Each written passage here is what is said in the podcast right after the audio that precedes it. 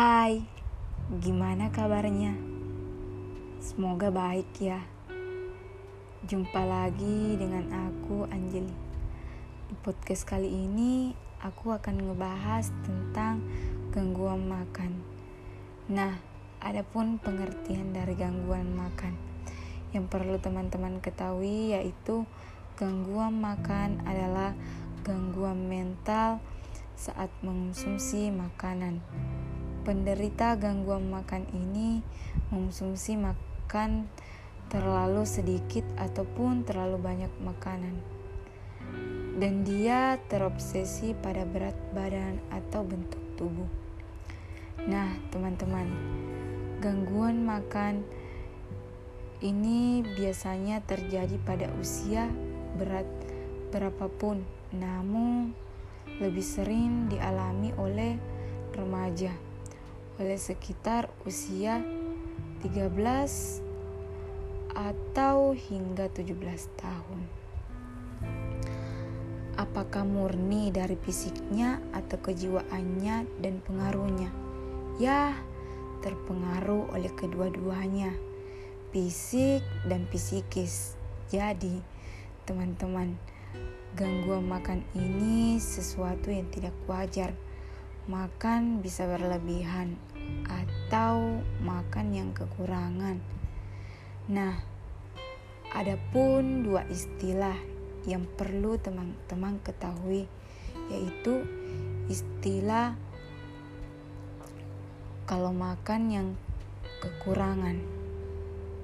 Yang pertama, anarkis nervosa. Gangguan ini membuat penderita mengurangi makannya karena dia merasa badannya berlebihan. Walaupun kenyataannya tubuhnya sudah ramping atau justru terlalu kurus. Dan dia juga menimbang berat badannya secara berulang-ulang. Jika asupan kalori terlalu sedikit pada penderita anarkis pada penderita anarkis nervosa dapat menyebabkan gangguan. Yang pertama, gangguan tubuhnya, rambut atau bulu alis di seluruh tubuh. Yang kedua, kulit kering. Yang ketiga, otot menjadi lemah. Yang keempat, sering merasa kedinginan akibat suhu tubuh yang rendah. Yang kelima, menstruasi tidak menjadi teratur, bahkan tidak mengalami haid. Yang keenam, hipotensi atau darah rendah. Yang ketujuh, anemia atau kurang darah. Yang kedelapan, tulang kropos. Yang kesembilan, beberapa orang tidak berfungsi atau gagalan multi organ. Nah, teman-teman, gangguan yang aku sebutin tadi dapat mengakibatkan penderita meninggal dunia loh. Jadi, teman-teman waspadalah. Yang kedua, bulimia nervosa. Bulimia nervosa ini merupakan gangguan makan yang membuat penderita ingin selalu membuang makanan yang dikonsumsinya dengan cara yang tidak sehat, yaitu memuntahkan kembali makanan yang telah dimakan, menggunakan obat pencahar atau obat yang membuang cairan tubuh. Nah, teman-teman, tindakan itu dilakukan karena penderita merasa bersalah akibat makan terlalu banyak dan takut berat badannya berlebihan.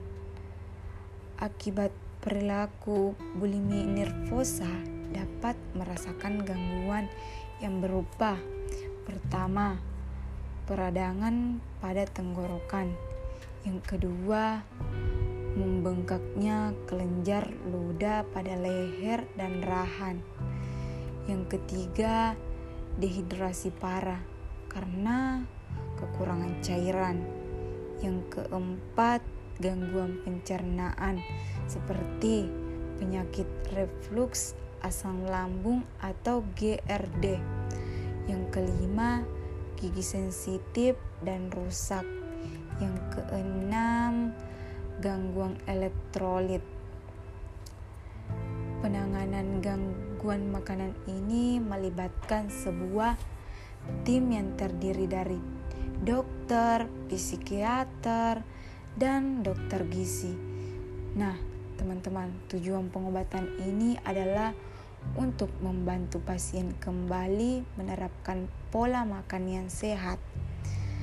Nah, teman-teman, adapun upaya penanganan yang dilakukan yaitu pertama psikoterapi.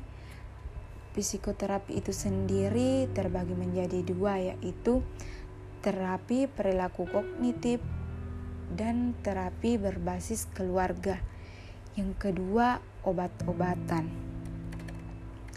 Nah, ada pun dua hal sama-sama gangguan atau yang tidak wajar anorkis dan bulimia. Ada hubungan ting tingkat seseorang tidak. Nah, teman-teman, tentu ada.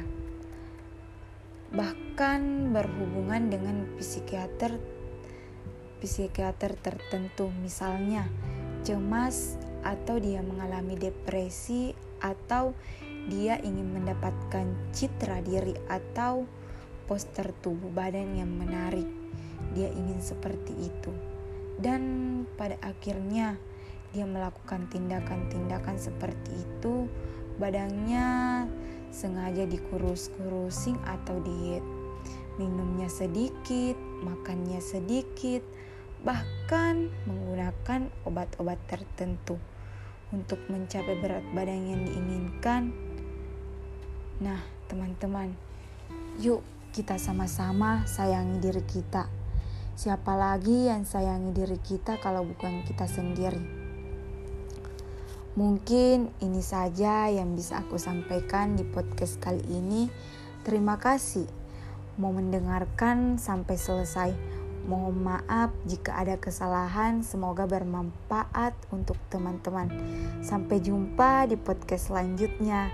See you next time teman-teman.